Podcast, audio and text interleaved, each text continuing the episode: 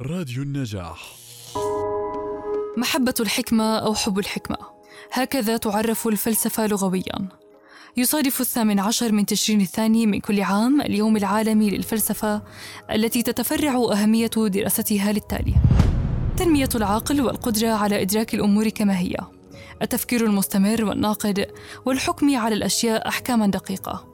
البعد عن الارتجالية والعشوائية في التفكير وحل المشكلات التي تواجه الأشخاص بأسس علمية مبنية على العقل.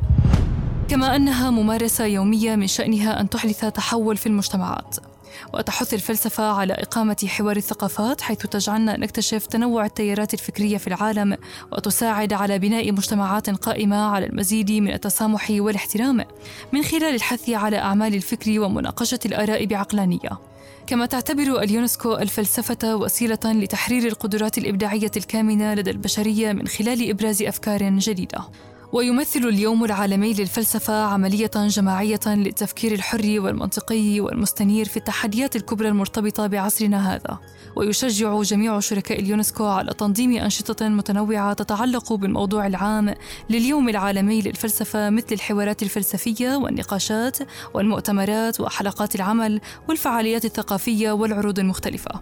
وذلك بمشاركة فلاسفة وعلماء من جميع التخصصات المتصلة بالعلوم الاجتماعية والطبيعية. ومربين ومعلمين وصحفيين وغيرهم من ممثلي وسائل الإعلام والجمهور العام.